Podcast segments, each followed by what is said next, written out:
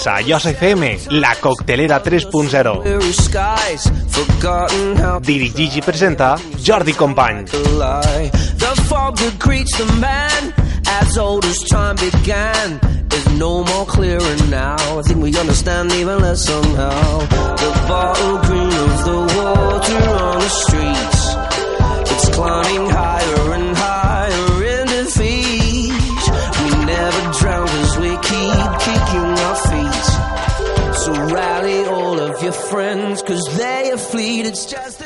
Són les 12 i mitja del migdia, és dissabte 5 de novembre, encara que no ho sembla per l'horatge que fa, i comença el quart programa de la coctelera 3.0. Personalment no sé com definir el que ha estat aquesta darrera setmana per el que ha estat passant en alguns mitjans de comunicació del nostre país, la veritat, ni tampoc vull parar-me a pensar en el paper que han desenvolupat en els últims 7 dies, des de la investidura del nou, però vell i antiquat, govern espanyol. Dic que no vull, però més ben bé no puc parar-me a definir la lamentable forma de tractar la informació per part dels nostres companys. I és que podríem estar tot el temps de la coctelera i segurament tota la parrilla de vesprada de Joso FM entrant en un debat infinit que no acabaríem mai de resoldre i del que acabaríem plorant, com diu m'abuela. Començarem setmana amb les declaracions de Pedro Sánchez a Salvados, un programa conduït per un magnífic comunicador, que no per això periodista, Jordi Évole, i que no se'ns oblide, emeses a la Sexta, un canal pertanyent al grup A3 Media, i en el que el seu director Ferreras hauria de replantejar-se de vez en quan allò de que tant li agrada dir de seguimos en la Sexta con más periodismo, el periodisme a aquest país està un poc sobrevalorat, i després de Sánchez i les seues sorprenents, que dubte sobre l'adjectiu sorprenents, el posen interrogant, declaracions arribava l'hora de matxacar, matxacar, matxacar i matxacar en la nova formació de govern amb detalls importantíssims, com la roba que vestixen els ministres, la forma de saludar-se entre ells, o si en aquesta legislatura el president ha tingut les dues mans, una sobre la Bíblia i l'altra sobre la carta magna del país, al mateix temps, o primer una i després l'altra. La Bíblia, la política, Fernández Díaz... No sé si riurem o plorar. I quin rigor periodístic, sí senyor.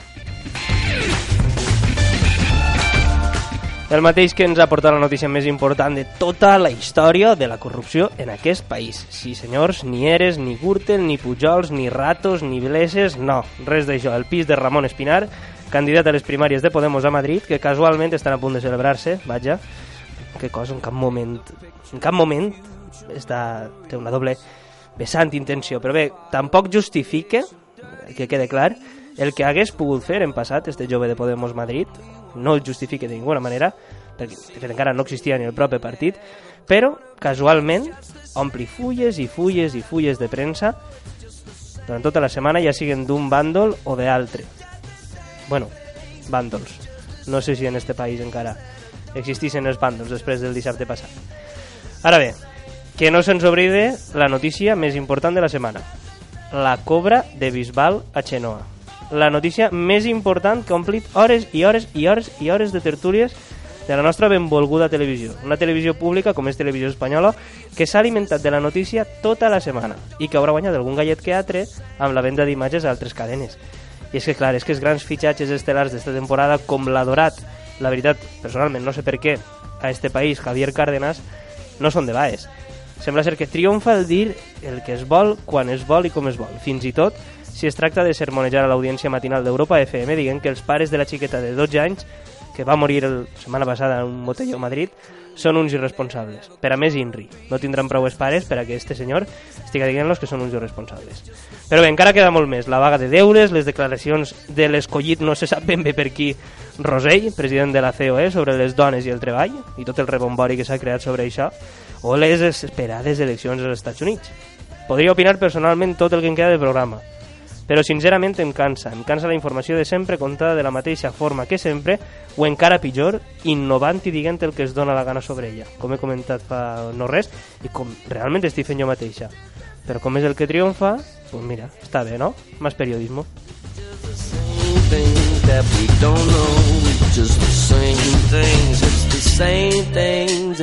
Same things Sort que n'hi ha altres notícies que ens alegren el dia Sols en vaig a dir tres, que ja m'he allargat massa. Avui, per fi, València recordarà les víctimes de l'accident de metro amb un monument que representa 50 rellotges aturats a les 3 i 10.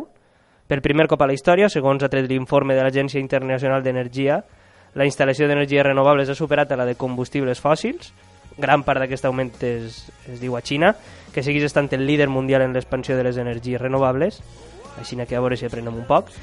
I com sona de fons, el proper dissabte 12 de novembre, a la sala Bataclan de París, aquella on va ocórrer la terrible massacre fa un any per part de, dels jihadistes que, que van entrar a disparar els seus Kalashnikov, reobrirà les seues portes amb la música del mític Sting, en un concert homenatge a les víctimes, ja dic, de l'atemptat. Aquestes notícies també han estat esta setmana i moltes, moltes més, moltes més. Recordem que al Sàhara, que tan junt ens pilla, o això creguem, està ploguent tant que està arrastrant les miserables mines antipersona que el govern marroquí té a les seues fronteres i acostant-les cap als camps on viu gent normal i que està patint des de fa molt de temps este conflicte del Sàhara que no s'acaba mai, però clar, no és el mateix, no és el mateix. Promet que no tinc que tornar a parlar més, i això ho promet quasi davant del micròfon, si ho torno a fer, Cristina, que la tinc quasi al meu costat pegant un carxot, no tinc que tornar a parlar més esta temporada sobre això, sobre actualitat, sobre política, no tinc ganes, la veritat. I per a que conste, ja dic, Cristina, si voleu faig alguna cosa, pegues un carxot, així que que sone Can't Stop Thinking About You del gran Sting, que la música ens acompanya fins i tot en indrets com és el Bataclan de París.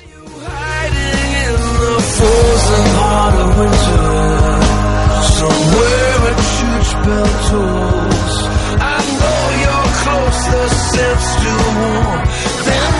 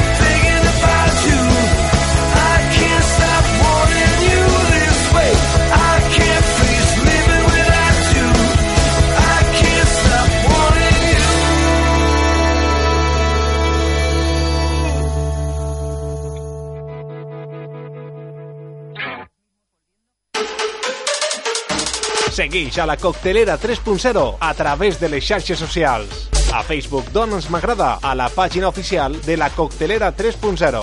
A Twitter i a Instagram segueix-nos a arroba coctelerallosa. Mira els nostres vídeos a YouTube al canal de Llosa FM. Segueix la nostra rutina agregant-nos a Snapchat. La Coctelera 3.0, més que un programa de ràdio.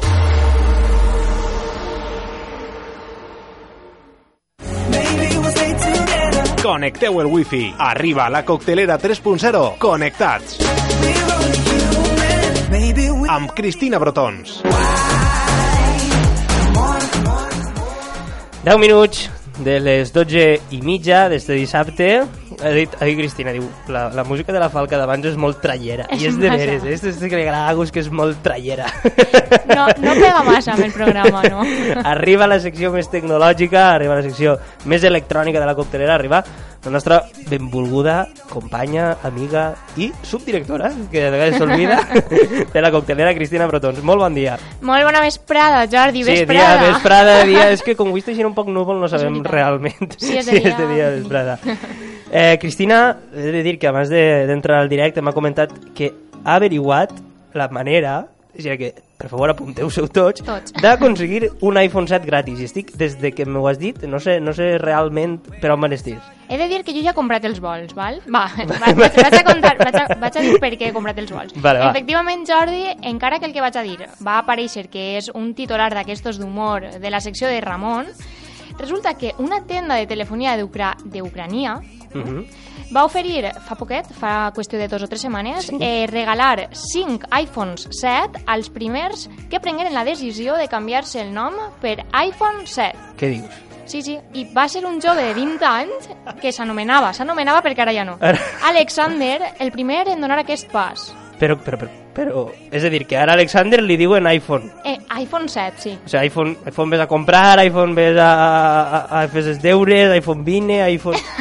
Mira, si dius iPhone Vine, però en l'accent anglès seria iPhone Vine, dos en uno, no? Vale. Molt bé, gràcies, Agus. Moltes gràcies.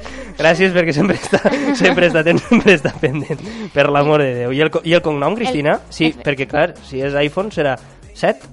Efectivament, el cognom és 7, perquè si el nom és iPhone, el, efe- efectivament, si la versió és la 7, doncs és iPhone 7. Eh, no obstant, com està escrit en ucraniano, el nombre 7 és SIM. Jura meu que ho has buscat el traductor de Google. Millor he no parlem del, He del teu temps lliure. he Eh? buscat, però és que el traductor de Google és tan roïn que... Un dia hem de fer una secció en el traductor de Google. Ho vam dir la temporada Sí, passada. hem de fer-la. L'últim programa, fixem, avui estem, ja que estem fent promeses avui, Perfecte. si no ho fas te pego un carxot. Em pareix perfecte. Vale? Jo si torne a parlar en alguna introducció de algo que no, que no apanya, me pegues un carxot. I si no, Me te'l pegue tu. jo tu. Perfecte. Vale? Hem de fer l'últim programa en la veu de Google. De Google Translate. Vale. Entonces Perfecte. li diem SIM, con la targeta extraïble del telèfon. Així és. I així que ara quan isca el 8 no farà falta que, que es torni a canviar el nom, perquè aprofitarà la paraula SIM per a fer referència a la targeta. I això és només en, en iPhone? O si jo ara vaig a l'Ajuntament i dic no, és que vull canviar-me el nom per Samsung Galaxy Note 7. Igual Pues- me'n regalen uno també, no? No sé, perquè jo, jo tindria un poc de por, perquè ara mateix igual te'l regalen i, i t'exploto, perquè els estan retirant tot. Així que crec que val la pena quedar-se com este Ben Jordi Company i Cristina Brotons. Millor que no, millor que no.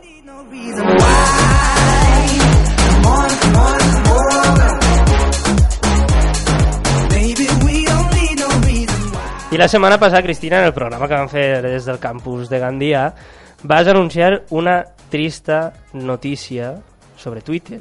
No, mentira, Twitter va dir una, una trista notícia. És que m'he trabucat llegint el guió. Vale? Twitter va anunciar una trista notícia per a alguns usuaris, Cristina. Exacte, el dia següent del programa especial de Gandia, Twitter Mhm. va anunciar que, que anava a tancar l'aplicació de Vine. Pues mala notícia per Carlos Ripollès i els seus banys absurds de dinosaurios que corren pels passadissos. Pels passadissos de la mateixa universitat. Soc molt fanàtic. Eh, també en té uno de jo, jo fent com de Sí, mago. És, sí, és molt que trist. neva o alguna sí, cosa sí, així. és molt trist. bueno, i ara què és el que corre en estos vídeos, per exemple? Pues, de moment encara no s'ha anunciat la, la data de tancament de, de Vine. És Mhm. per això que ara mateixa, si entrem a l'aplicació, encara podem accedir a tots els vídeos i també a la web. I una cosa molt important és que la web es mantindrà activa per a que es puguen seguir veient els Vines. I això com és que, que ha tancat? Vull dir, perquè tenia molts usuaris i hi havia molta gent que s'havia fet famosa gràcies a Vine. Sí, el que passa és que jo, jo el que pense és que com Twitter està ja treballant amb altres plataformes com Periscope, que és la- l'aplicació d'emissió en directe, jo crec que no treia realment tant de rendiment a Vine. Tal vegada era la millor opció que, que els podia afavorir. Això sí, n'hi ha que tenir en compte que a finals de l'any passat eh, Vine s'havia quedat amb 200 milions d'usuaris, que són molts, però no, no avançaven, no creixien. En tot cas, Però, estava clar, perdent usuaris. No, no interessava tampoc econòmicament, no? Però els fundadors de l'app Vine Mhm. eh, el dijous van presentar ràpidament una nova app. Ja? Estos van, sí, app, Ui, bueno, ràpid. aplicació, perdó. Sí, sí, és sí. el vocabulari. App, app, app. Eh, sí, aquesta aplicació s'anomena Hype, Hype perquè l'H en anglès es pronuncia, Jordi. Jo havia llegit hippe, jo dic. També. Jo hippie. I, I ja està disponible a l'App Store. I, que, I aquesta app, com funciona? App. Menys Pues- mal que tinguem, menys mal que tinguem les, les, les, Les- espumetes sí. estes noves, eh? Perquè perquè, si si no- no, el micro faria... po, po, po, La petaca. L'app. Com, com funcionen aquestes Vale, noves apps? Pues arriba una futura competència de Periscope i Facebook i Facebook Live. I, bueno, Mhm. i també Go Insta, que vam estar parlant a, al programa Tot especial de mateix, Gandia. és tot el mateix. Sí, tot, és veritat, és el que comentem sempre. Perquè Hype és una app, ui, perdó, una aplicació per a emetre en directe, però amb un extra especial, perquè permetrà afegir filtres, efectes, ferramentes d'edició en directe, textos, els famosos GIFs... Ah, GIFs també. És a dir, sembla ser una espècie de, de Snapchat, però amb emissions en directe. Pues això dels GIFs m'agrada a mi. Això com es pot descarregar? La, Ah, la hippie esta. És, és que els GIFs donen molta vida Hipe, a les xarxes socials. hipe. Pues a l'App Store sí que es pot descarregar ja, però per a Android encara no s'ha anunciat ni, ni s'ha dit res al respecte de, de quan apareixerà. Així que si vols provar tu, que tens la pometa, ja saps. Pues no te dic que no, perquè ja te dic és que a mi el tema dels GIFs em xifla. No sé, també com m'ho passe pipa quan en Twitter el de la coctelera compartiu GIFs. M'ho passe I al molt Facebook. bé, molt bé. Don't you give up, nah, nah, nah. I won't give up, nah, nah, nah. Let me love you. Jordi, hi ha una coseta que ens preocupa el dia a dia, ja sigui a l'hora de buscar feina o, o del que siga, perquè sembla Mm. que si avui en dia no saps anglès, no pots eixir de casa. A mi em passa, jo porto més d'un mes sense parlar a classe per por, eh? Per- per I damunt por. tinc Calí al costat, que només que fa que parlar bé i jo, jo, jo no, no, no s'entera, o no vol enterar-se, perquè sí que està sentint més d'ahí darrere. Això passa un poc. Jo crec que no és que nosaltres no sabem parlar anglès, és que no, no ens entenen. Claro que no, el que passa és que, és això, segur, segur. Pues a sí. que sí, Lia? Li està darrere la peixera i diu que sí. fa cara d'enfadar, no digues res. pues si et passa això, Jordi, vaig a parlar-te d'unes aplicacions o llocs a la xarxa Mhm. on pots eh, reforçar el teu nivell d'anglès. Que als dos ens fa falta un poquet, eh? Este sí que me les apunte, la veritat, perquè ja m'imagine que, que, que, que esta setmana Cristina estarà pujant un nivell d'anglès brutal provant totes les dies l'aplicació neta. Of course. Ho, ho ha fet buscant en ucraniano, com era set, així Sí. que no dubte. Vinga, va. és, que... És que sempre em Sim. prometes. Vale, sí, perdona. Va. Vinga, eh, investigant esta setmana, com m'has dit que he après, he augmentat el meu nivell d'anglès en 0,4 aproximadament. he trobat un canal de YouTube que m'ha paregut graciós i interessant al mateix temps. Apunta, Jordi, el Sí. canal s'anomena Mr. Duncans. Mr. Duncan. I és un xic que, que fa uns vídeos d'una manera bastant amena, des del meu punt de vista. Mhm. és, és, di- és bastant divertit i, a més, els vídeos estan subtitulats que afavorís que si en qualsevol moment eh, no, no entens alguna paraula, tens el, el reforç dels subtítols. I com es diu que es diu? Perquè no t'enganyes com vas fent cachata o chacata o cachachatacta o com fora. Què vols dir tots els noms i no sé el que era. Este ho he revisat i ho he comprovat, Vale. que és Mr. Duncans. Mr. Duncans. Tot junt, una paraula, i, i Mr. escrit, no Escrit, no? MR. MR. Exacte. Vale, Mr. Duncans. Exacte, i també vaig a parlar-te d'un altre que, que té una estructura totalment diferent en la qual no apareix cap persona. És a dir, són tan sols subtítols eh, de la veu en off.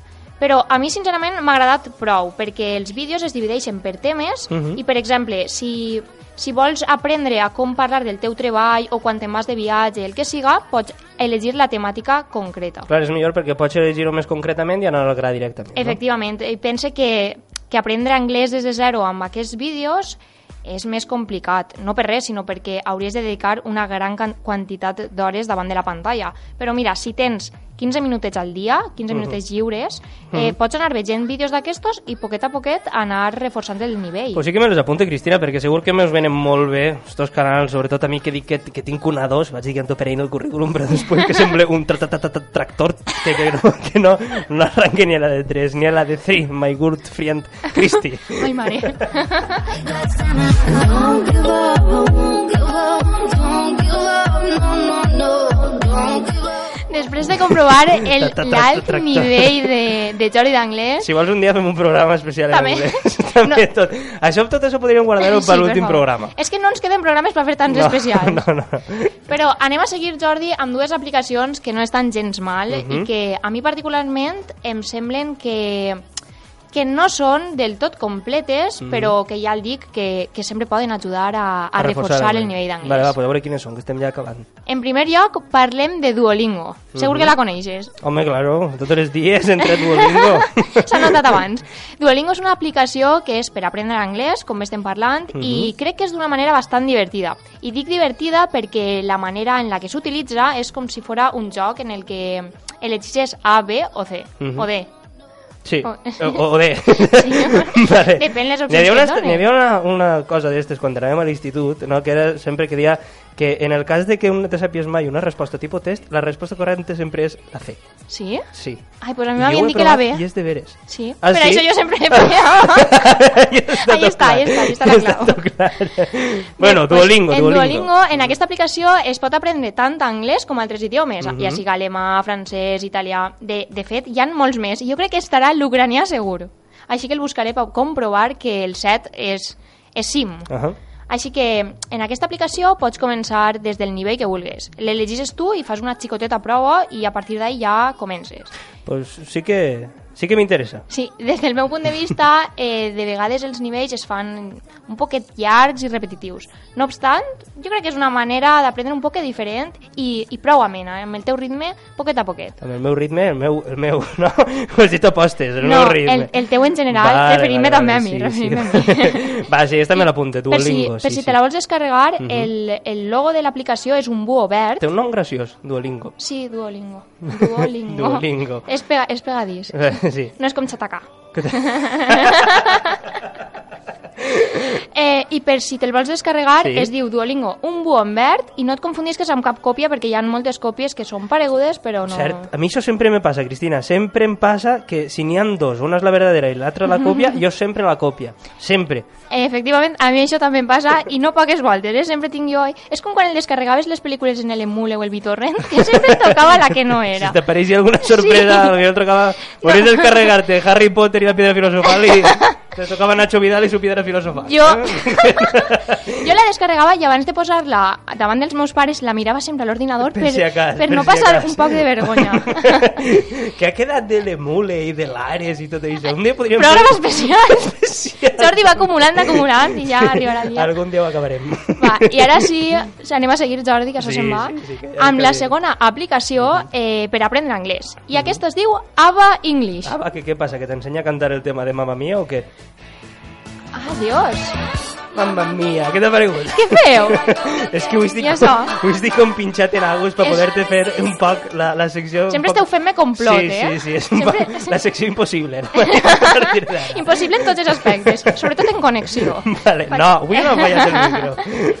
Aquesta la vaig conèixer perquè sí que la vaig veure a la, a la televisió i me la vaig descarregar per provar-la, no? Perquè això que diuen d'opinar sense provar no es pot. Doncs pues jo me la vaig descarregar. I sí que és veritat que és molt més completa que Duolingo. De fet, no té res a veure una amb l'altra. Home, a mi l'altra... Esta té musiqueta, però l'altra... Perquè quan t'obres l'aplicació t'apareix el Mamma Mia també de fondo. seria, No, seria no. massa coent, ja. estaria, estaria, no, estaria bé per acompanyar, no? A mi la trama m'agrada molt més, Cristina, tant el nom, perquè Duolingo és molt graciós, com, com la interface, però jo penso que això és molt relatiu també, no? Així és, és com el que aprèn anglès llegint les lletres de les cançons, Mhm. veient pel·lícules o, o sèries en anglès. Però el bo que té esta, aquesta aplicació és que combina un poc el tema de preguntes i respostes i vídeo. És a dir, els vídeos estan tots subtitulats i amb àudio que s'entén molt bé, perquè parlen bastant eh, espai. És a dir, que, que això és una cosa molt important a l'hora d'aprendre anglès, perquè a de vegades et poses a veure un vídeo Mhm. i parlen tan a pressa, parlen com jo, que no s'entén res. Jo li tinc que dir a Jordi, Jordi, espaiet, per favor, perquè jo m'embali. És que damunt em posen esta música, la de Mamma Mia no. La, la, la, la normal, la, trallera. La trallera, i, i jo m'accelere, m'accelere, m'accelere i... He de dir que igual m'has convençut més en esta, en la de, en la de Mamma, ai, en la de Mamma Mia, anava a dir, en la de Ava English que en la de Duolingo. Vinga, les provaré les dos i ja te dic a veure quina m'apanya més.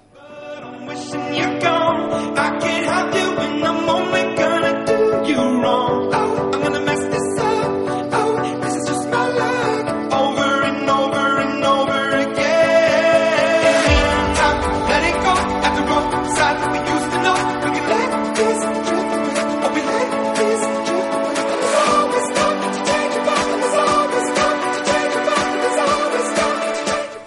Jordi, te'n recordes que al programa especial de Gandia... Avui no parem de parlar del programa especial de Gandia. Ens ha marcat. És com els, com els vuelos estos que, que van a, a passejar glorieta i sempre parlen de lo mateix. De lo mateix, és veritat.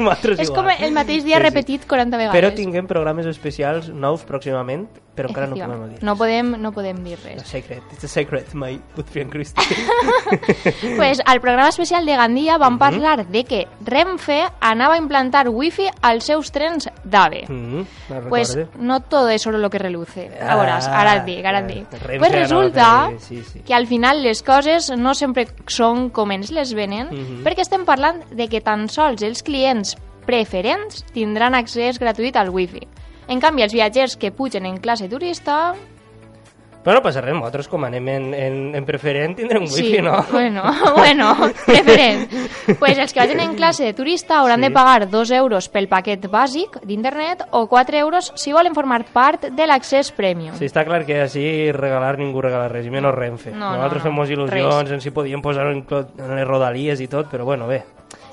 Què, què, què, què inclou el paquet bàsic o premium? Pues el paquet bàsic, que serien 2 euros, eh, inclou 20 megues de dades d'accés a través d'un dispositiu sols. És a dir, sols si tens un telèfon i un, i un ordinador portàtil, tan sols podràs connectar- connectar-te des d'un. Sí, I si vols connectar-te tots al mateix temps, hauràs de pagar 2 euros més. Efectivament, amb 4 euros tens accés Molt. a 100 megues i, i sí que es poden connectar tres dispositius diferents i l'accés a contingut exclusiu. Ja, però això sí és premium, no? Efectivament. Ja, ja. Seguís paguent-me car, eh? Quan t'has pagat 50 euros per un bitllet per anar... Pareix, Així és. Però bé. És el mateix que ocorre amb, amb el tren de Rodalies, que comentàvem que utilitzem molt els estudiants. bueno, utilitzeu molt els estudiants. Ei, ei, ei, ei, que, ei. que viatge, que, bueno, els estudiants, treballadors i tot el món, perquè al Sí, final... Molta gent que viatja en tren totes les Efectivament. dies. Eh? I acabes gastant 8 o 10 euros de, eh, per viatge Mm. i és una llàstima que aquest servei no estiga implantat de manera gratuïta. I que està implantat a altres països també, no? Efectivament. Sinó que, bueno, una altra cosa més per apuntar. Hem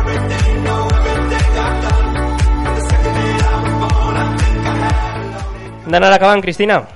Per anar acabant, Jordi, avui sí anem a, a proposar una coseta als seguidors, followers, audiència, a tots. Jo crec que l'any passat ja que vam fer un programa especial, això ja se'n va de mare, de connectats al cotxe. Enguany, pues, Eh, puguem fer un altre especial, Em no? pensava que anaves a dir... Sí, sí, efectivament, perquè han eixit tants programes especials que dic, segur que va eixir un programa especial Dels de... programes especials. Efectivament, de, del programa especial del cotxe, perquè hi ha molt que parlar. Eh, és per això que anem a proposar als seguidors que si Mhm. vos apetís que fem un programa especial a qualsevol lloc curiós o diferent, siga on siga, eh? No sé, on en siga. Miami, en... en... Ahí no, perquè hi ha que pagar vol. I abans se n'aniríem pague- a Ucrània, a canviar-nos el nom. I així que siga on siga, vos proposem que ens envieu les vostres propostes a través de qualsevol xarxa social, ja siga per missatge privat o públic, perquè si és ahí una proposta indecent, que siga per privat. Home, si és indecent Què? tindrem que pensar-nos si la fem No, o no. eh, no. efectivament, efectivament. Valorarem la de idea, valorar. valorarem la idea i intentarem que, que es porten davant i siga on siga i que Cristina sempre té molt de comboi cocteler i l'únic que vol és fer comboi. Per supost. Nosaltres tenim, som uns atrevits, eh? I, i tenim molt de comboi. Se'n junta tot i ja... No sé el que Dios los crea i ellos se juntan. Cristina, moltes gràcies i ens vegem la setmana propera així en Connectats. Moltíssimes gràcies a tu, Jordi. Adeu. Adeu.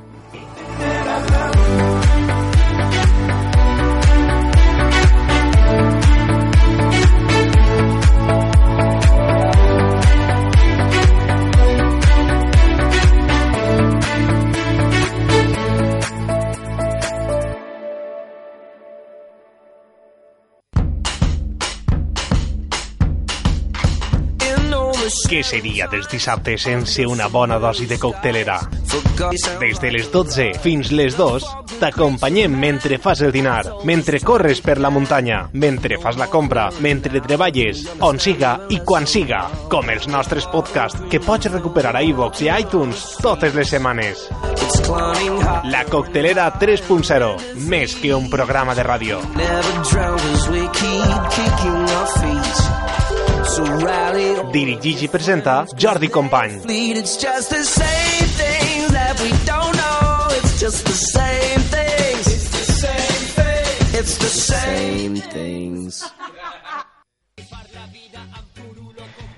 La una i dos minuts d'este quart programa de la coctelera. I ens visiten avui els amics de Tocaet, un grup jove de València que fusiona l'alegria de l'esca amb les vibracions del reggae i el missatge del hip-hop, tot apostant per un format acústic senzill i familiar. Els seus membres són Pau, Guillem i Carlos i venen des de Benimaclet, Campanari, Arrancapins, València, barris que inspiren les seues cançons, després parlarem d'això, i que parlen des de la defensa activa de l'horta fins a, fins a les crides a viure la vida amb positivisme. A dia d'avui compten amb alguns temes propis i també algunes versions, tant dels grups valencians com internacionals, com per exemple esta que sona, de La Gossa Sorda, és Barzers. Així que, abans de passar a les presentacions, us deixem amb la música en directe de Tocaet.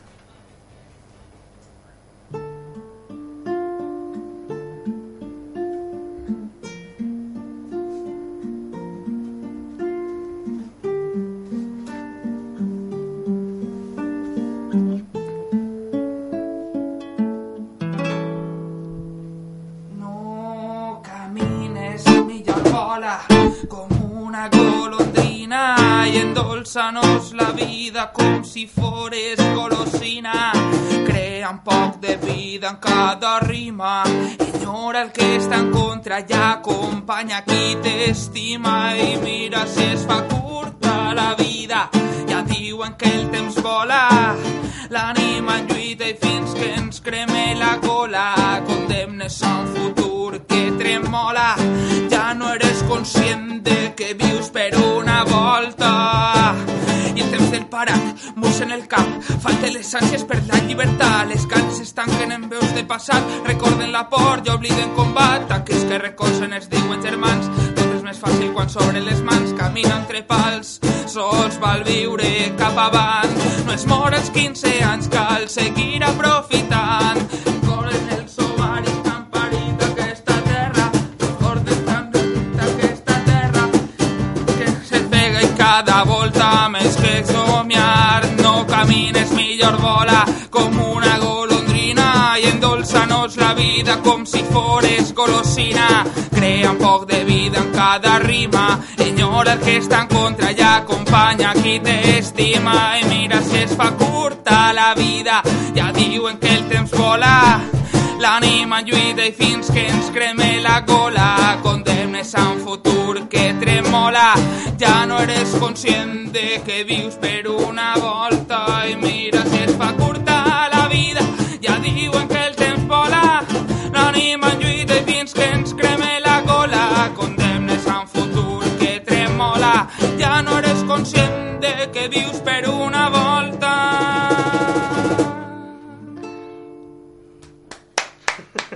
Eh, només que aplaudís jo, però és que només que estic jo. benvinguts, Tocaet, benvinguts eh, Pau, a la veu, benvingut Guillem, a la percussió, i benvingut Carlos, a la guitarra. Quin goig, quin plaer tindre música en directe si a l'estudi de la coctelera. Benvinguts. moltes gràcies per nosaltres és un plaer poder rebre-vos així al nostre humil estudi i anem a fer una xicoteta entrevista per donar-vos a conèixer un poc, així que primer que res jo crec que és imprescindible que ens conteu què és Tocaet i per què i com es crea Tocaet. Bueno, pues Tocaet eh, se va crear... Bueno, nosaltres se coneixem de fa... uh -huh. De fa jo vaig conèixer la Pau en, en classe, vaig anar en ella a classe i després, pues, com ells eren amics, eh, ja vaig conèixer a Guillem, van començar a tocar en, en alguns festivals, que mos agrada també molt d'anar a festival, i vam començar a tocar i vam dir un dia, che, per què no portem això a algun poc més seriós? I vam començar a quedar en, en la falla que tenen ells en, en Arrancapins, vam començar a tocar Uh -huh. i vam dir, che, pues que pot ser algo d'ací. Carlos, eh, bueno, Carlos és el que estava parlant ara, Pau Guillem, també podeu parlar, eh? que ja veus que Pau canta, però... és que s'explica molt bé, molt bé. I, I té una veu molt bonica, tu. No Sí, t'havia sentit encara, tens una No veu m'havien molt dit bonica. això mai. ja t'ho he dit jo. Per què el nom de Tocaet, xics? Pues per què el nom de Tocaet? Pues Tocaet és diferents coses, ¿vale? Primer que res és un, un tocaet és una cosa, no? un, un, diguem, una beguda que Sí. normalment la gent se pren pues, a mitja vesprada, se pren o bé tant a les 7 o les 8 de la vesprada que se pren el seu gin toniquet o tal, o se pren un carajillo després de dinar o tal. Entonces nosaltres volíem transmitir ixa essència de, de la cosa tranquil·la i de i d'estar tranquil·lament sentint música en directe mentre te fas un tocaet per la vesprada. Entonces diguem, què millor nom que lo que volem representar, un Toca- tocaet. Tocaet també és el, el licor que es tira al cafè. Jo no sé si en València, però sí, sí. O sigui, sí quan te'l fas un cafè Tocaet, és el cafè Tocaet. Que pots... efectivament. Eh, Què preferiu tocar-lo? De whisky, de casalla? De... Perquè... Jo, jo, jo, soc, jo, soc, jo soc més de ron negre, però la veritat és que per lo menos Carlos i jo som molt de, de burret, que és licor cafè en Coca-Cola, així que si Serol no s'està no s'està escoltant que mos patrocina, per favor. Que mai està malament eh, demanar patrocinadors. Mira, parlant d'això, volia preguntar-vos-ho més tard, però pense que, que és interessant també per a que la gent ho sàpiga. En un grup de, de la vostra envergadura, que sou quintos meus pràcticament, no? estareu rondant 20, 20 i poquets anys, eh, es diu el patrocini. Vale. Vosaltres com arribeu a, a, a tindre, perquè clar, vosaltres tindreu unes despeses, tindreu eh, quan aneu a fer concerts, algú vos patrocina, algú a través de d'alguna plataforma, no sé, crowdfunding, no sé. Conteu-me un poquet com, com e, des de l'aspecte més econòmic, per dir-ho d'alguna forma, com es manté Tocae. Eh, bueno, bon dia. Bon Nosaltres, dia, bon dia Carlos. Ai, Guillem, perdona. eh, nosaltres realment el que hem tractat des del principi és mm, portar el projecte de la forma més humil possible. Eh, començant perquè bueno, nosaltres realment no tenim estudis en el camp musical, anem pràcticament d'oïda i això la veritat és que afavoreix mogolló eh, la progressió de la família Tocaet i a partir d'ahí, bueno, la cosa, el que he dit, la forma més humil possible. Ara, per exemple, sí que per a tots els que vos animeu, acabem de llançar una tirada de 50 samarretes a un estil propi que hem fet, el nostre logotip. La porta posada... El, la podeu trobar a xarxes socials i, i fins al dimecres, per la nit crec que és, teniu de termini per, per poder demanar la vostra samarreta, la talla i pront avisarem. Per tant, com a financiació, de moment tirem per així i... I a poquet a poquet. Exactament.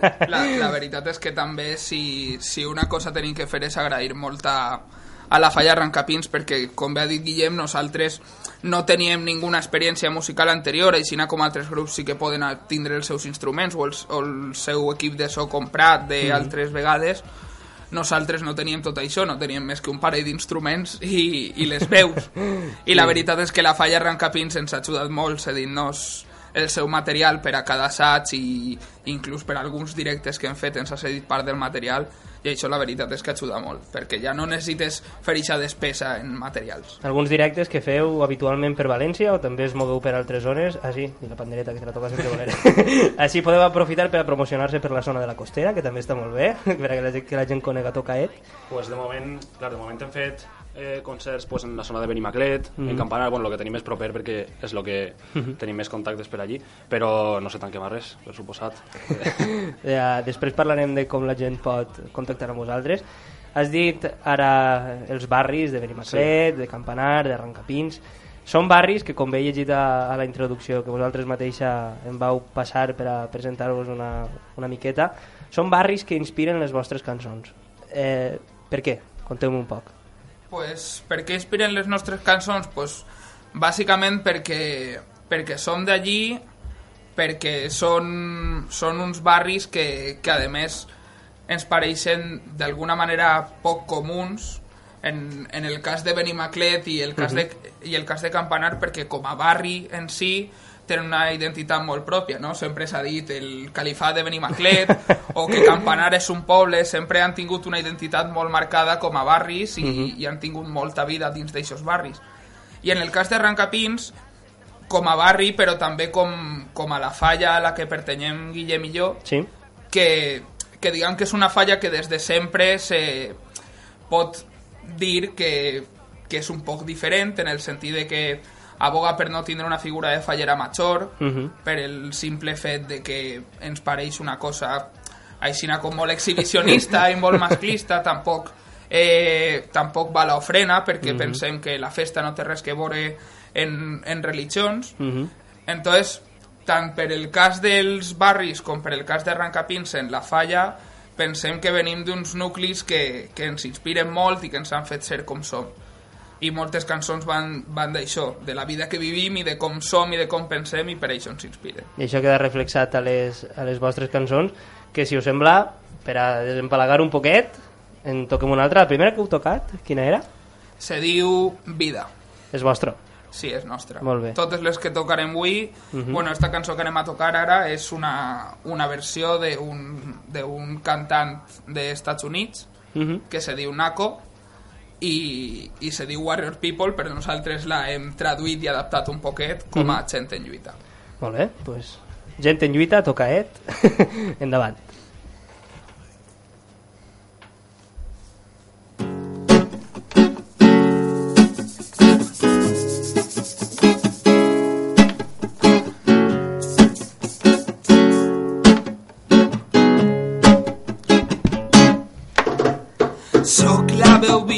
Predica resistència Soc l'indígena que ja no té paciència. Sent sempre el renegat, sent la inferioritat El meu fill no acceptarà la vida tan adversa. I ell que quede clar i que quede sempre clar Ell que quede clar i que quede sempre clar. Ell que quede clar i que quede sempre clar Que quan ens puguem alçar demanaran clemència Soc gent del Sahara, soc Palestina, soc guerrera kurda i soc Amèrica Llatina, soc la guitarra, soc el tambor, soc aquella empremta que mai marxarà del cor, del cor, del cor, del cor, del cor, soc la memòria que sempre sabrà d'on som. Soc refugiat a les portes d'Europa, soc l'ensordit pel món i em sent idiota, soc eixa pèrdua, soc eixa mort, soc tots els drets humans lluitant per fer-se forts. I sempre un poc més forts, avui aturarem les morts, sempre un poc més forts, avui aturarem les morts, sempre un poc més forts, avui aturarem les morts, un poc de tots i aturarem totes les putes morts. Estarem alerta, encara vivim en pau, ja no ens val qui pregar. No, no, si ve algun explotador ja saps defensa fèrrea, ànima de lluitador, mentalitat oberta, un poble que està viu i que s'estima, així que ho diguen mi, infinits, infinits, som infinits i rebels. Som infinits, infinits, som infinits i rebels. Som infinits, infinits, som infinits i rebels. Som infinits, infinits, som infinits i rebels, rebels, rebels.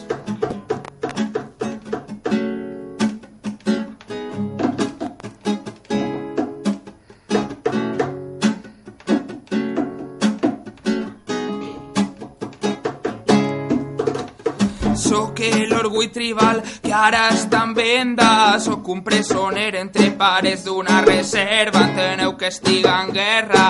La meua guerra són massa anys sempre callats en la condemna. Sóc el jove guerrer, un músic de carrer que proclama els quatre vents que cal viure sent conscient, futur, passat i present. Mai canvien els elements. Tot el que faces avui es quedarà per sempre fet. Gent en lluita, s'alça la gent en lluita.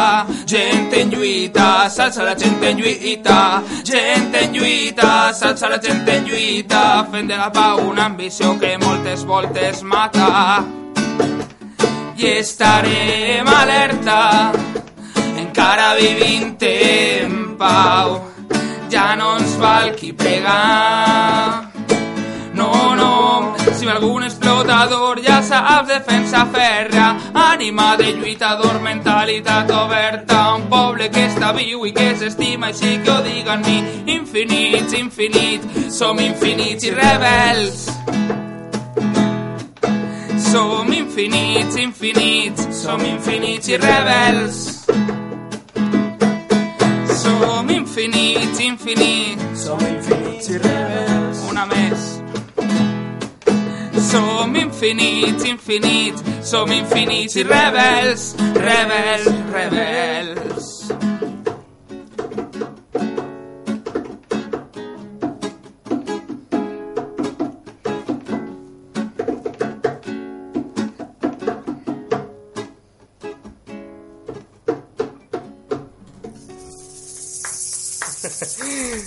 que xulo. Infinits i rebels, com la multitud de grups al llarg del País Valencià que, que sembla ser que després de tants anys estan ressorgint, estan naixent. I, i un d'ells és Tocaet, que avui ens visita, i ja, com hem d'anar acabant, xics, vull, no vull desaprofitar sense, sense preguntar-vos, perquè em resulta curiós que, que hàgiu escollit l'acústic. Per què té aquesta explicació? És musical, simplement és perquè també soc músic i em, em causa curiositat. Ai, Pues- mare, que pregunta més difícil vos ha fet. No, no, a veure, no, és, és relativament és fàcil de respondre i hem, i hem escollit l'acústic Mhm. primer perquè ens agrada, entre els molts estils de música que ens agraden i que cada un és un poc diferent, és, un, és una manera de tocar que a tots ens agrada, Mhm. I perquè no n'hi ha massa oferta de- d'acústics. Realment, els acústics que n'hi ha fins ara, i si et fixes inclús en, en festivals de música relativament joves, Mhm. al final els acústics se reserven pues, per a la gent a lo millor més major que va a aquests festivals, a lo millor pues, sí, efectivament els nostres pares Mhm. sí que es dediquen a, a anar a, a llocs a veure acústics, però la gent jove segurament no els valora perquè tampoc els coneix. Mhm. Entonces, Sí, sí. van pensar que era una bona oportunitat per apropar aquesta forma de tocar a la gent més jove i que comencen a, a introduir-se en este món i comencen a valorar grups d'acústic que són molt bons. Sens dubte, no tinc cap dubte. A mi, sincerament, m'agraden molt més els acústics, també, de ser sincer. Eh, una coseta, com, quina és la previsió que teniu en l'aspecte de discos, concerts? Ja hem dit que habitualment soleu estar per València, però bé, ja, també vindre un mitjà de comunicació, de vegades, de vegades funcionem bé i aprofitem per a, per a fer difusió de les coses, així que conteu-nos un poquet quina és la vostra previsió referent a, disc, a discos, perquè clar, si aquestes tres cançons que, inter que aneu a interpretar avui són vostres, suposo que en tindreu un cabàs més. Sí, pues, de moment, eh, ara ja hem començat a fer més, eh, més concerts, bueno, tampoc és que... Però bueno, sí, hem començat a fer concerts i se m'ha donat pues, això de que... Mhm. eh, ho anava parlant en Guillem antes en el cotxe, vinga que passi, que ja estàvem pensant tant en començar a, a gravar coses de- d'estudi per a que la gent puga, perquè nosaltres tenim, en YouTube tenim els típics vídeos que Mhm. se gravem en la gravadora, que demà anem a fer un altre, per cert, Mm. publicitat. Prop prop d'estar en Però clar, que això està gravat no t'ho pots passar a l'MP3 i... Sí, bueno, sí, MP3, sí, sí. ja veus tu. Al, al, al, l'iPhone. Sí, sí, sí. I escoltar-ho, entonces, eh, n'hi ha gent que ja mos ha, eh, mos ha dit de gravar en estudi, de Mhm. gravar les cançons per a, pues això, per a que la gent les pugui escoltar més, més de continu. Sí que estaria genial. Estem, estaria genial. Estem esperant a lo millor a tindre ixes, ixes cançons ben polides i unes quantes cançons i la idea és sí gravar, no? Ho haureu de consultar abans de gitar-se avui. per anar acabant, xics, eh, heu dit que demà tingueu algun jaleo, no? Va, digue, Sí, sí. conteu-nos un poquet, va. Va, desvela, Guillem. Bueno, a veure, demà el que teníem pensat, nosaltres que som molt de tindre la visió en el cap, tota la idea, Sí. i, i reflectir-la, poder refle- reflectir-la tan pròxima a la idea com puguem. I, bueno, hem pensat en un altre... Ui, Cuidado la pandereta. En un altre... està en un punt problemàtic. Sí, sí, correcte. en un dels punts turístics més importants Mhm. de, del País Valencià, eh, la costa de Xàbia, Mhm. i bueno, a, a veure si trobem algun paisatge natural clavat per a la idea que tenim en el cap, una de les cançons nostres i bueno, per a que la gent pugui gaudir un poquet tant de un poquet el territori, de la terreta i de la música, clar. On vos podem trobar? Xarxes socials? Pues sí, nos podeu trobar eh, a Facebook Mhm. i, a, i a Instagram ens podeu trobar eh, si busqueu Tocaet fàcil, no n'hi ha molts... Eh, no, no, no hi ha complicació. No, n'hi ha, no n'hi ha, molts, no ha molts tocaets, a més, en Facebook, o sigui que hem triat bé el nom. I després, en, en YouTube també, pues, per tocaet o per, o per qualsevol títol de les cançons, com per exemple, si busqueu eh, Vida o Gent en lluita o totes Mhm. aquestes que hem tocat fins ara, també vos apareixerem perquè són temetes que hem gravat així de forma casolana i que també estan en YouTube per escoltar-los. Que quede constància davant del micròfon que jo vull una camisa de tocaet, eh? Jo, la coctelera, vosaltres, si, fem, si voleu fem un intercanvi, vosaltres donem una de la coctelera, vosaltres de la tocaet. Perfecte. Xics, moltes gràcies, ha estat un gran plaer poder-vos tindre. Molta sort i molts ànims en, en el món musical i més a nivell territorial del País Valencià, que ja hem comentat adés, però bé, n'hi ha, que, ha que estar sempre a per totes, així que molta sort i, i la música ens farà, ens farà forts, amics. Moltes gràcies, Gràcies per, estar acollir-nos. amb, amb nosaltres. Ens acomiadem amb quin tema? Pues en un tema que va, és un poc aixina d'amor i se diu Més lluny. Gràcies Pau, gràcies Guillem, gràcies Carlos, us deixem en tocaet.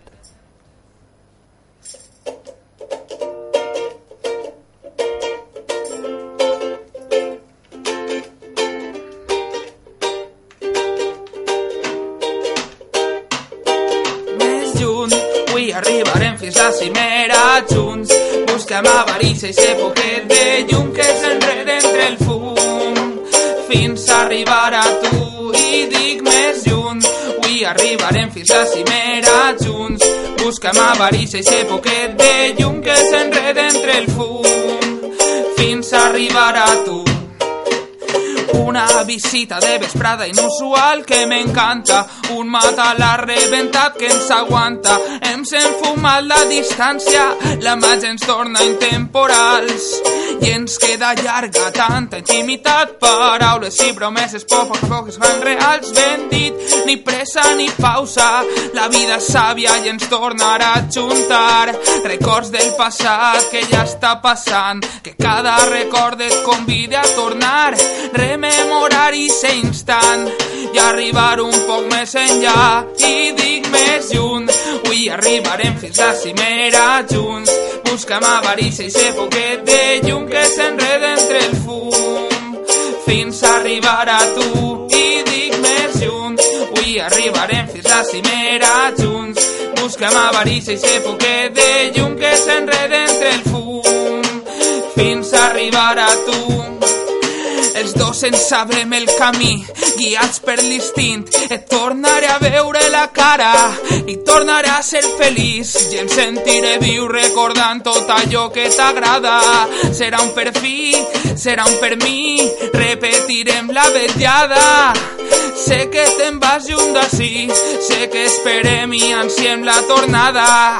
Records del passat que ja està passant, que cada record et convida a tornar, rememorar i ser instant i arribar un poc més enllà i dic més lluny.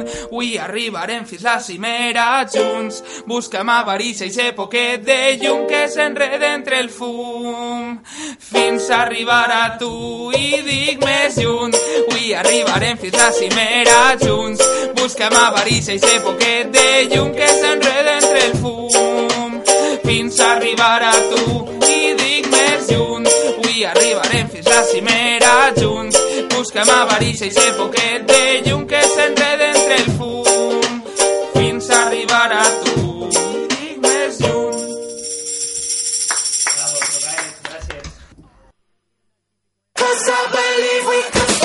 La Coctelera 3.0 no només s'escolta, també es veu. Recupera els programes de Fem Barret, les entrevistes als nostres convidats i la secció I això que és al canal de YouTube de Yas FM. La Coctelera 3.0, més que un programa de ràdio.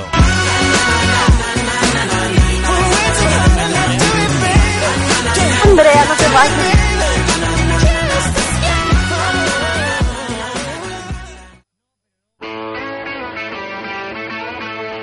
Arriba l'humor a la Coctelera 3.0. Arriba Sara y Cerro.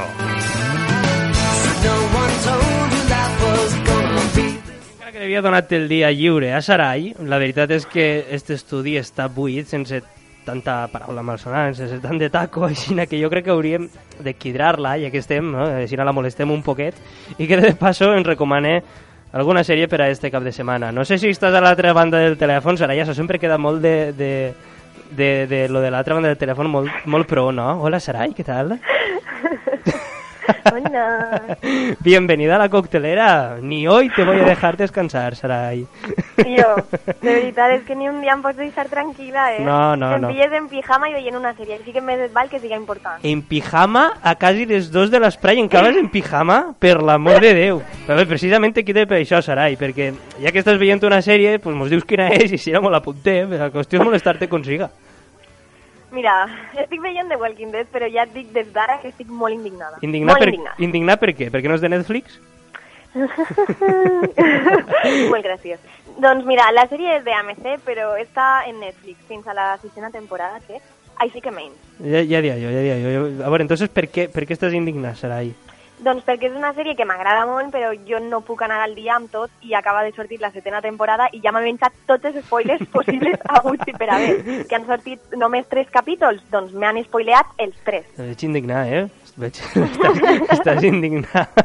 Escolta, The Walking Dead són, són zombis i gent intenta fugir d'ells, no? Vull dir, no no, no n'hi ha una trama tampoc que digui uau, quin spoiler m'han fet, no m'imaginava que anaven a córrer darrere d'un zombi.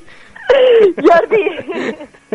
Mira, un cop més t'equivoques. Et vaig a posar en context perquè entenguis per què The Walking Dead continua creixent i per què és una sèrie que val la pena, ¿vale? Vale. A veure, és una sèrie creada i produïda per Fran Darabont basada en el còmic homònim de Robert Kierman. La sèrie se situa, òbviament, en un món posapocalíptic i posapocalíptic i està protagonitzada per Rick Grimes, que és Andrew Lincoln, que és el tio aquest que va vestit rotllo sheriff i que és meravellós. Bé, a veure, aquest senyor és un oficial de policia que de sobte desperta d'un coma i es troba en un món ple de zombis salvatges. A menys no anaven a estar domesticats els zombis, Sarai. Buf! Oh! Quina punyada que acabem de passar. Vale, continuem. Eh, Rick, eh, bueno, el tio busca la seva família i es uneix a un grup de supervivents, val? el qual arriba a encapçalar. La història està ambientada principalment a Geòrgia, als Estats Units, i narra les vivències d'aquest grup, el qual s'enfronta no només a la plaga del que ells anomenen caminants, sinó a altres grups d'humans que també lluiten per subsistir, clar. Vale, va, entonces tot no és fugir de zombis. Claro. Hi ha moltes més trames que fins i tot sovint deixen el tema dels caminants en segon pla. Tenen relacions entre ells i situacions que fins que no apareixen un parell de caminants rebentats no te'n recordes que és una sèrie de zombis. Però, a veure, si la sèrie s'ha estrenat fa poc, la setena temporada porten ja per lo menos sis anys, no? Muy bien las matemáticas. Muy bien. A la no, estrenar- no vull saber de matemàtiques i jo, eh? Millor no. Bueno, la sèrie es va estrenar a l'octubre de 2010 a la cadena MC i a causa de la seva gran acollida la cadena va decidir renovar la sèrie. The Walking Dead ha estat molt aclamada per part de la crítica i ha estat nominada en diverses gales de premis com el Globus d'Or a la millor sèrie dramàtica. A més, també ha batut rècords d'audiència televisiva de, de eso, d'audiència televisiva, tio. Com te quedas? A veure, pues, a veure, realment suposa que serà bona, no? M'ha donat que... que, que... Supose, tio. Ni, ni, ni, ni. Escolta, que, que quan no estàs així no hem posat un tros de la capçalera de la sèrie, sinó que a veure... Ostres. No passa res, a veure, Agus, la- l'has buscat mentre... Home, clar, mira, el home, Ah, ja. home clar, li falta de vez en quan les ulleretes i el full gun, full walk.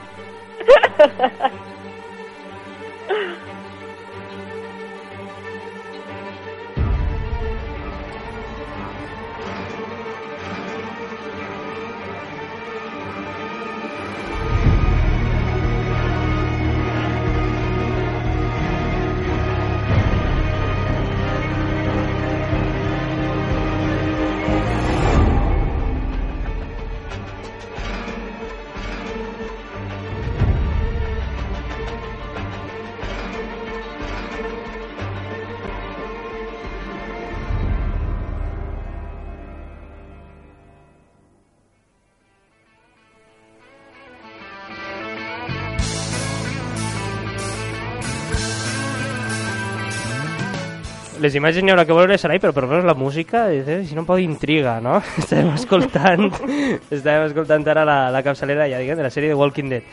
Què més ens pots explicar d'esta sèrie A tan a famosa, Sarai? Espera, que pare la serie. Yo, Bé. yo así no puedo, ¿eh? Bé. A ver. No t'hi deixaré la sèrie tranquil·la, pobra. no. Com Va. estic tan indignada amb els spoilers de la nova temporada, no diré res sobre els personatges i les trames. O sea, no vaig a dir res. Vale, vale. Però com a consell, eh, no busqueu res a internet, perquè els spoilers estan per tot arreu. Cuidao, Oh, favor, vale, vale, vale. Està bé, està bé saber-ho, està bé saber-ho. I bé, recomano molt aquesta sèrie, òbviament, perquè penses que vas a veure simplement a uns quants zombis menjant cervells i Mhm. gent cridant i no. O sea, a veure... Eh, Sí, sí que ho fan, també. si no, no sí, seria clar. I és bastant asquerosilla. No recomano que la mireu mentre mengeu, això sí. Eh, però no és el que predomina. The Walking Dead és molt més. És la lluita per la supervivència, la por a la pèrdua, l'organització de la societat en un món postapocalíptic, les relacions interpersonals, la desesperació, la lluita, l'amor... Chico, de todo. Últimament te poses molt intensa, eh, Sarai? Mira, em posaria més intensa si em deixares acabar-me el capítol, però no serà el cas. Que sí, va, explica'm una curiositat més i ja te deixo tranquil·la, va. Bueno, mira, eh, a veure, eh, no poseu cap tràiler perquè tots estan en anglès i depèn del que posis, igual eh, un petit de spoiler et, men et menges, saps?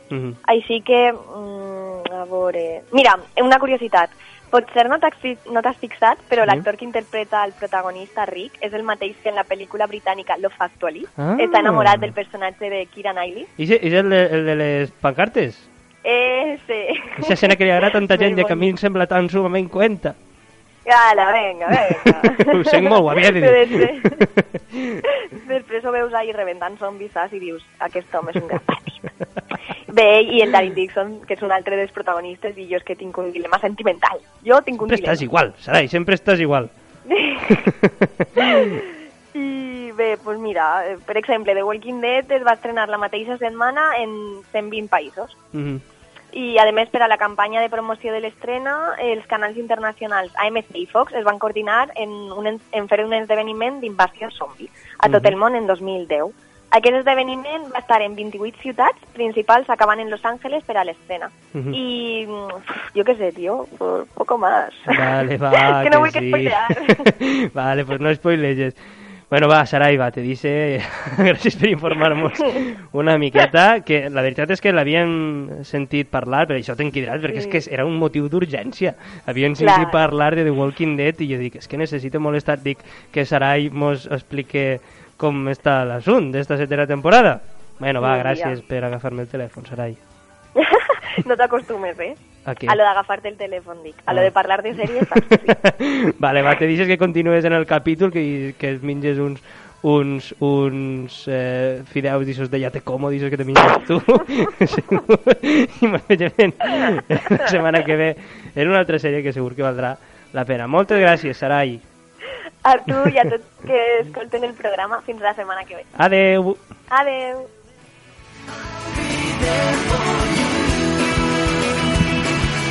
Sarai.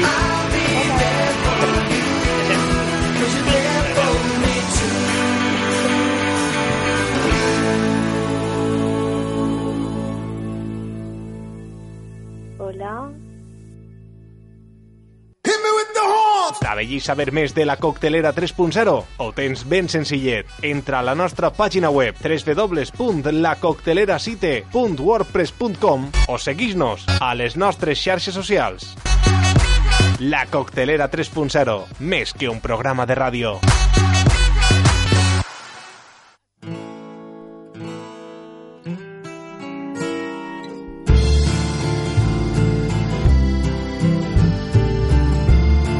És moment d'obrir el calaix de sastre a la Coctelera 3.0 amb Carlos Ripollès.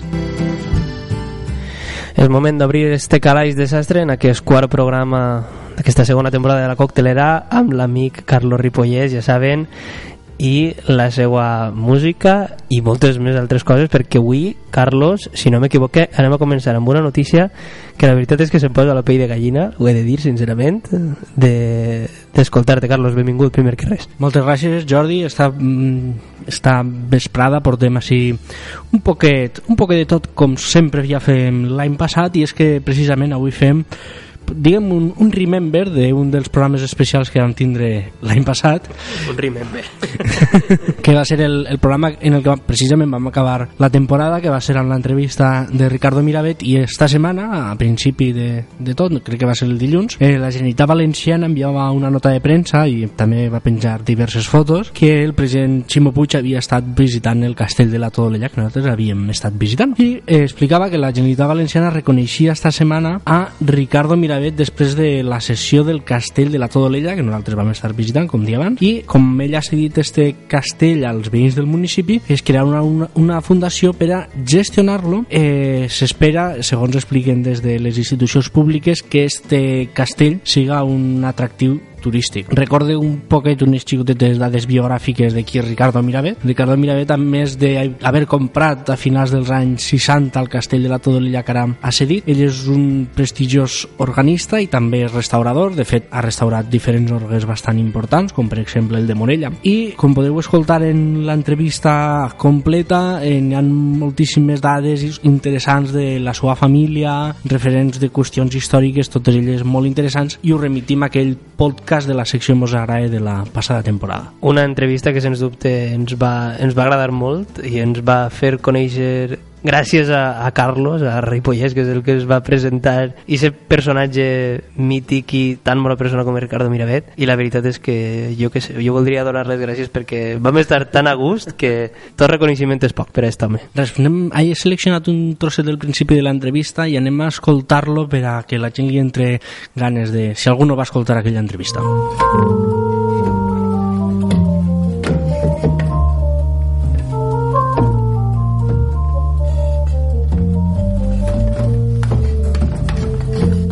Bienvenido, primero que nada.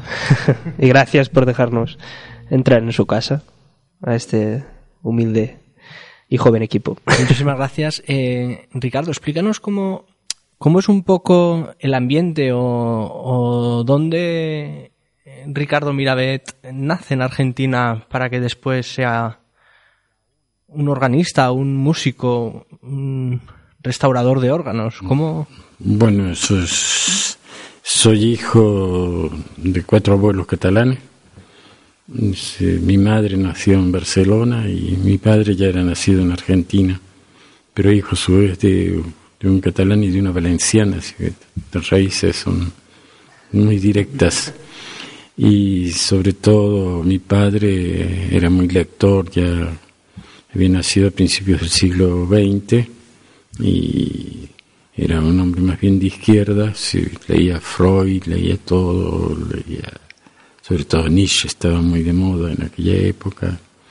Y por otra parte la familia de mi madre, que era, te- tenía un apellido Toutain, eh, un apellido francés, Toutain, pero en realidad es los Toutain, según he averiguado, hace mucho tiempo que ya estaban instalados en Barcelona, así que el apellido era francés, pero creo que la sangre francesa debía ser un, un 16 ya en, mi madre. Y la- los Tután eran músicos de Barcelona. Y era una familia muy tradicionalista, muy católica, los Tután. En cambio, los Miravet eran más bien eh, anarquistas, de izquierda, lectores. Y bueno, eso me permitió tener un, un horizonte amplio. Viví mi infancia durante la Guerra Civil Española y eso se lo vivíamos allí como si fuera... Y Lo vivisteis en, en la Argentina, en claro. Argentina, en Córdoba, ¿no? Pero no se hablaba de otra cosa en nuestras casas que, que de la guerra civil.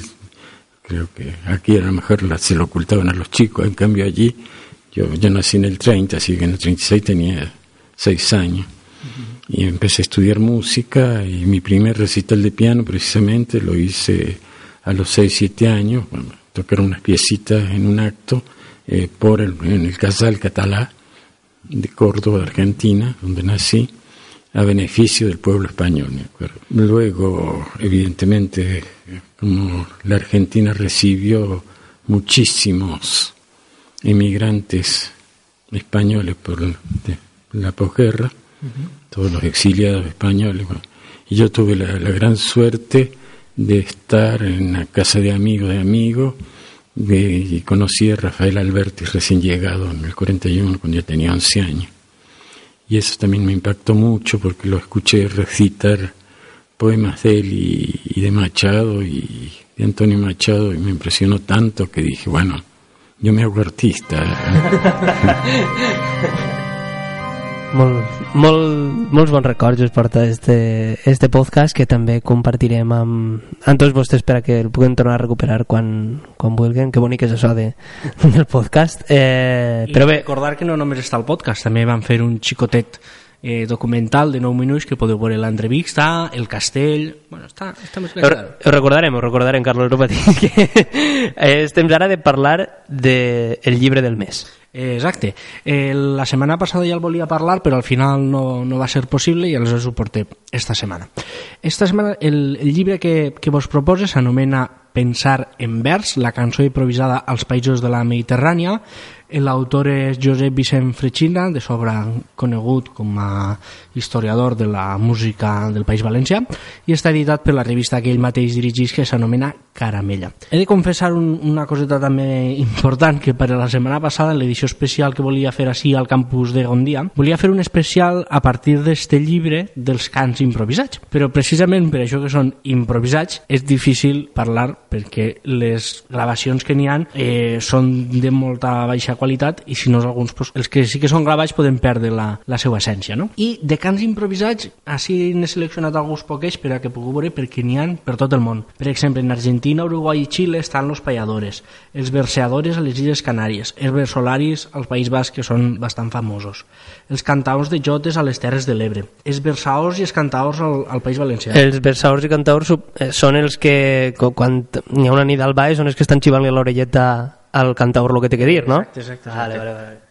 Per després, per exemple, estan els corrandistes a Catalunya, els troberos a Múrcia i a l'Alpujarra, i a Xina poden trobar a Xipre, a Sardenya, a Malta, a Líban, etc etc etc. Mhm. Les fusions d'estos cants improvisats són uns quants. Per exemple, l'expressió individual, un fet lúdic, eh, transgredir, ja siga, pot ser també normalment al carrer, però a vegades també pot ser en, en els bars, en els escenaris, i a vegades a través d'estos cants improvisats també es pretén crear com si diguem una espècie d'opinió política. I fins i tot en alguns llocs en aquest sentit de, de la política, però en, va en una altra direcció, a vegades es pretén resoldre conflictes.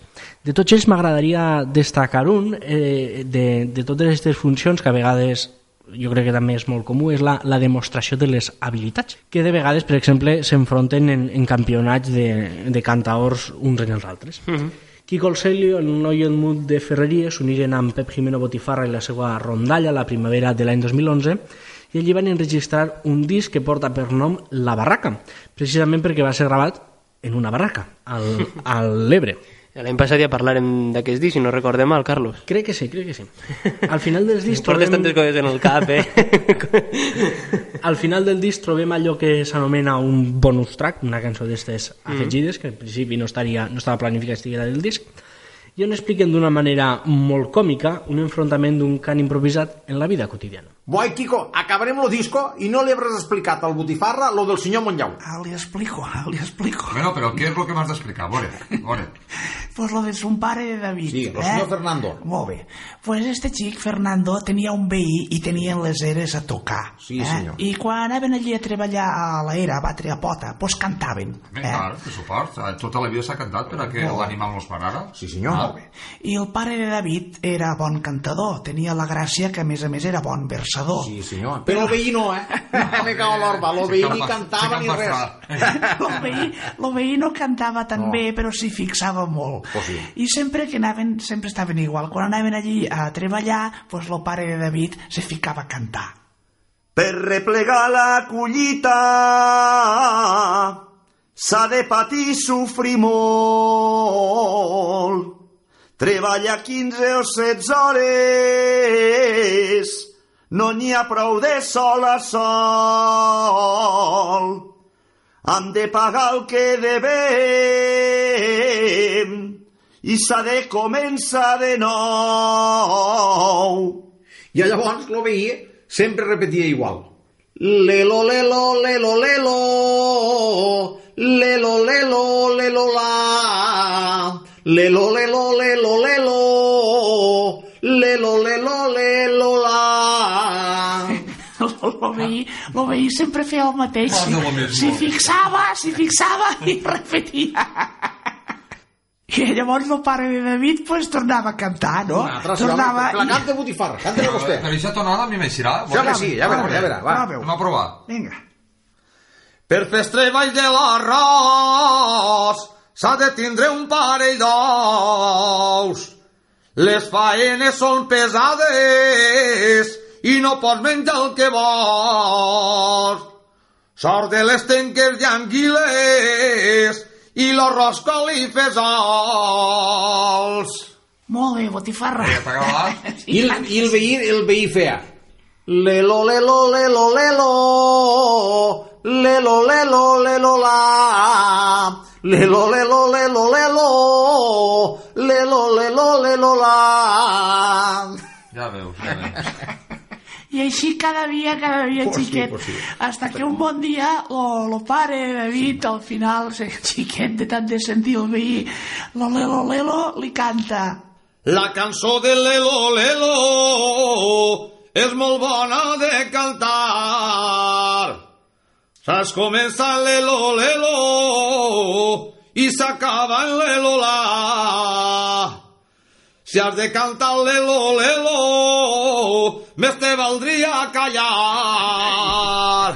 I, i el pobre veí, el pobre veí, al final li canta. Claro, no, no, que, diu, diu, si no canto lelo, lelo, és que no sé el que cantar, només me sé el lelo, lelo, lelo, lelo, lelo, la. Tu, Jordi, que eres més de l'Elo Lelo o de l'Elola? Jo sóc de l'Elo Lelo. jo sóc de l'Elo Lelo. M'agrada molt, m'agrada molt este, este, este fragment que ens has posat, que ja, ja l'havia escoltat també en directe, és una passada, eh? Quan, Sí, quan, sí, sí, uau, M'agrada molt, molt, molt. Un abraçat al nostre amic Botifarra, sempre li tinc molta estima. Bé, Carlos Mhm. està ja, està ja, ja fa oloreta a paella, ja tinguem la paella al foc i és hora d'anar d'anar acabant per esta setmana Mhm. i crec que ens portes un reportatge com aquell de que, que es portares fa dues setmanes, si no m'equivoco. Exacte, crec que sí. Esta setmana porté un reportatge, diguem, un poquet diferent. El passat va ser sobre la Motown i Marvin Gaye, i en este cas, esta setmana, canviem d'espai i me n'anem fins a Kinshasa. Tu saps on està Kinshasa? Al costat de la Ioso, que No, no. passes tu salet... Que...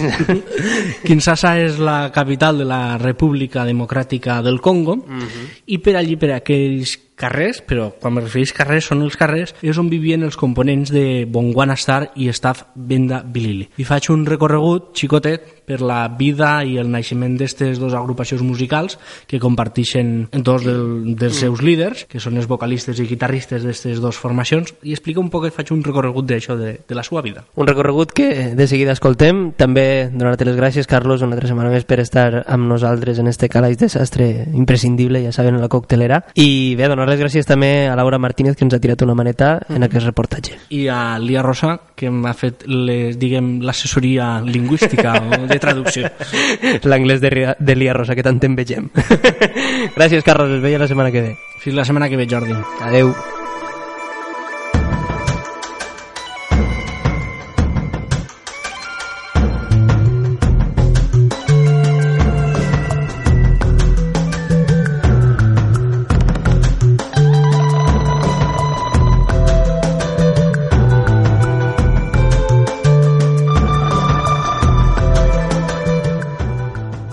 From Kinshasa to the Moon, de Kinshasa a la Lluna. És el nom d'este tema que estem escoltant i a més té s'obri l'únic disc de Bongwana Stars.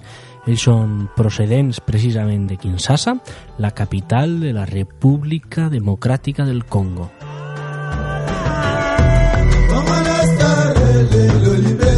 En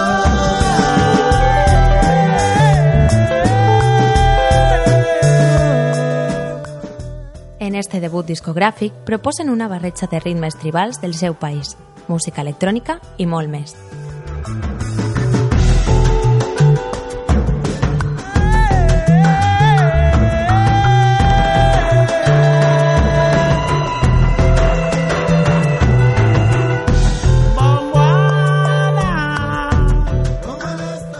Però abans de conèixer més sobre esta formació congolesa, fem un viatge en el temps i parlem de Staff Benda Bilili, l'anterior formació musical a la qual pertanyien els dos líders de Mongwana Star.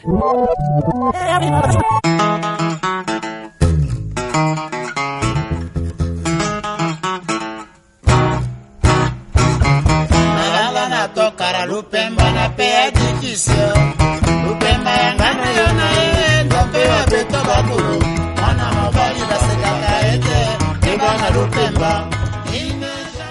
Tonkara és el nom d'esta cançó i vol dir cartons, entre els quals els components d'esta venda Bilili dormiren pels carrers de Kinshasa.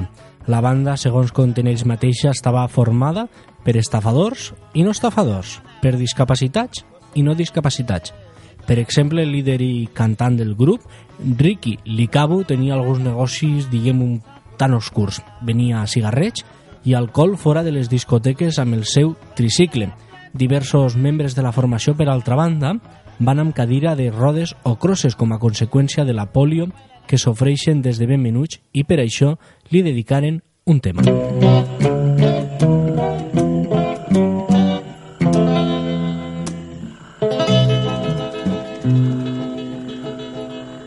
mama botanga malamu oyo ebebisanga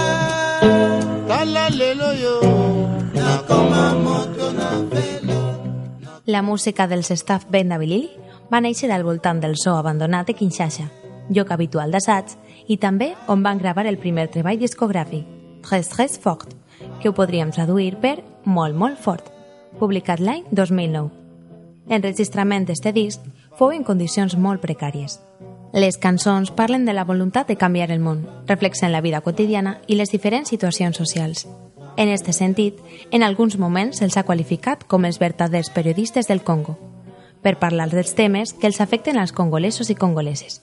Gràcies a la publicació d'este disc, es van donar a conèixer per tot el món. Bojó Le Monde, que ho podríem traduir per agitar, remoure el món, és el nom del segon disc de Staff Benda Bilili.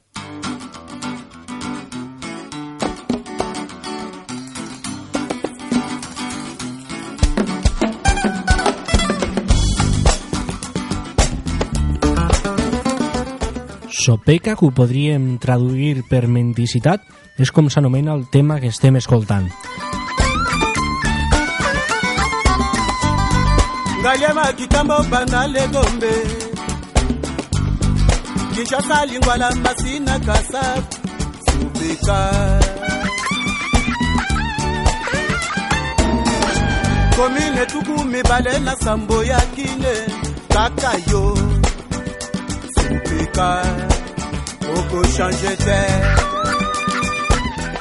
per a lluitar contra totes aquestes situacions injustes i sobre les quals han cantat, a partir d'este segon disc, Staff, Venda, Bilili, fundaren una ONG, a través de la qual ajudaven a persones discapacitades i a infants sense casa, per aconseguir-los treball i una casa d'acollida. Kokonambali i Teon Situvidi, dos dels cantants i guitarristes de Staff Benda Bilili l'any 2013, abandonen la formació musical i formen Mongwana Star.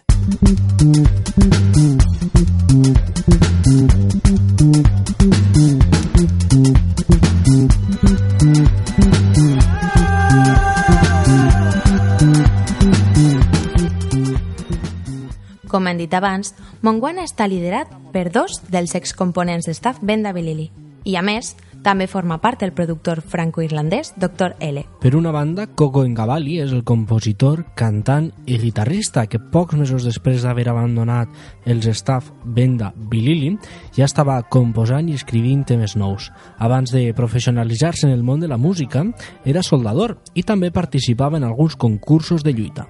Per altra banda, Teon Situvidi és cantant i guitarrista, declarat admirador de Bob Marley i James Brown. Fill d'una família acomodada, ell va perdre tot arrel de la caiguda del règim Mobutu. I aleshores va haver d'eixir al carrer per a guanyar-se el pa i es va convertir en electricista. benga benga benga benga bango bazali kaka bana baboti to neglige bana te awe babengi bango nde bana bashege benga benga benga bango benga benga benga bango ngai bakwakanga na nzela mama nanga atima maboko mwasi ya papa abengi ngai ndoki akoma kolia akoma kolata akoma komela Liam Farrell, més conegut com Dr. L, és l'altra peça clau en Mongwana Star. Ell és el productor del disc. Reynold Barrett un dels realitzadors del documental sobre els staff Benda Bilili, els va mostrar el disc Black Voices, veus negres del nigerià Tony Allen, que el va publicar l'any 1999 i va ser produït per Dr. L. Els va agradar tant el so d'este treball discogràfic que es posaren en contacte amb ell. Quan Liam Farrell va arribar a Kinshasa, explica que la música que interpretaven els Mongwana Star era d'un estil clàssic, on participava molta gent hi havia molts cantants. El seu objectiu era construir un pont per a fugir de les tradicions africanes i apropar-se més a l'estil d'una banda de rock.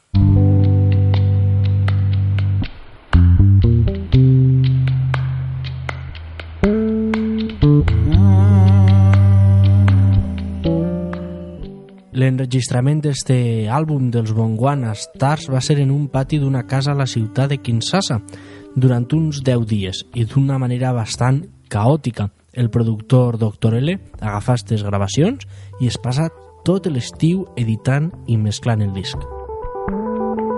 Oh,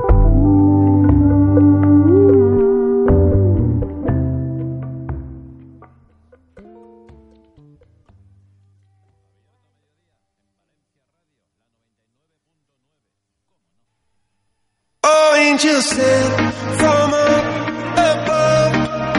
You know you make my world light up. When I was down, when I was hurt, you came to lift me up. No és un punt de la vesprada, encara que ha quedat un xicotet fragment de reportatge de Carlos Ripollès de Calaix Desastre per, per acabar de- d'escoltar. De, Recorden que és podcast, en unes poquetes horetes ja els tindran penjats, tant a les nostres xarxes de iVox i iTunes, i també a totes les nostres xarxes socials, on de veres volem donar-vos les gràcies perquè estem tenint una acollida molt, molt, molt bona i molt gran, i mai està de més dir gràcies, i si és amb el cor a la mà, com és en el nostre cas, és molt, molt millor. Bé, no m'enrotllo més, que m'enrotllo con les persianes.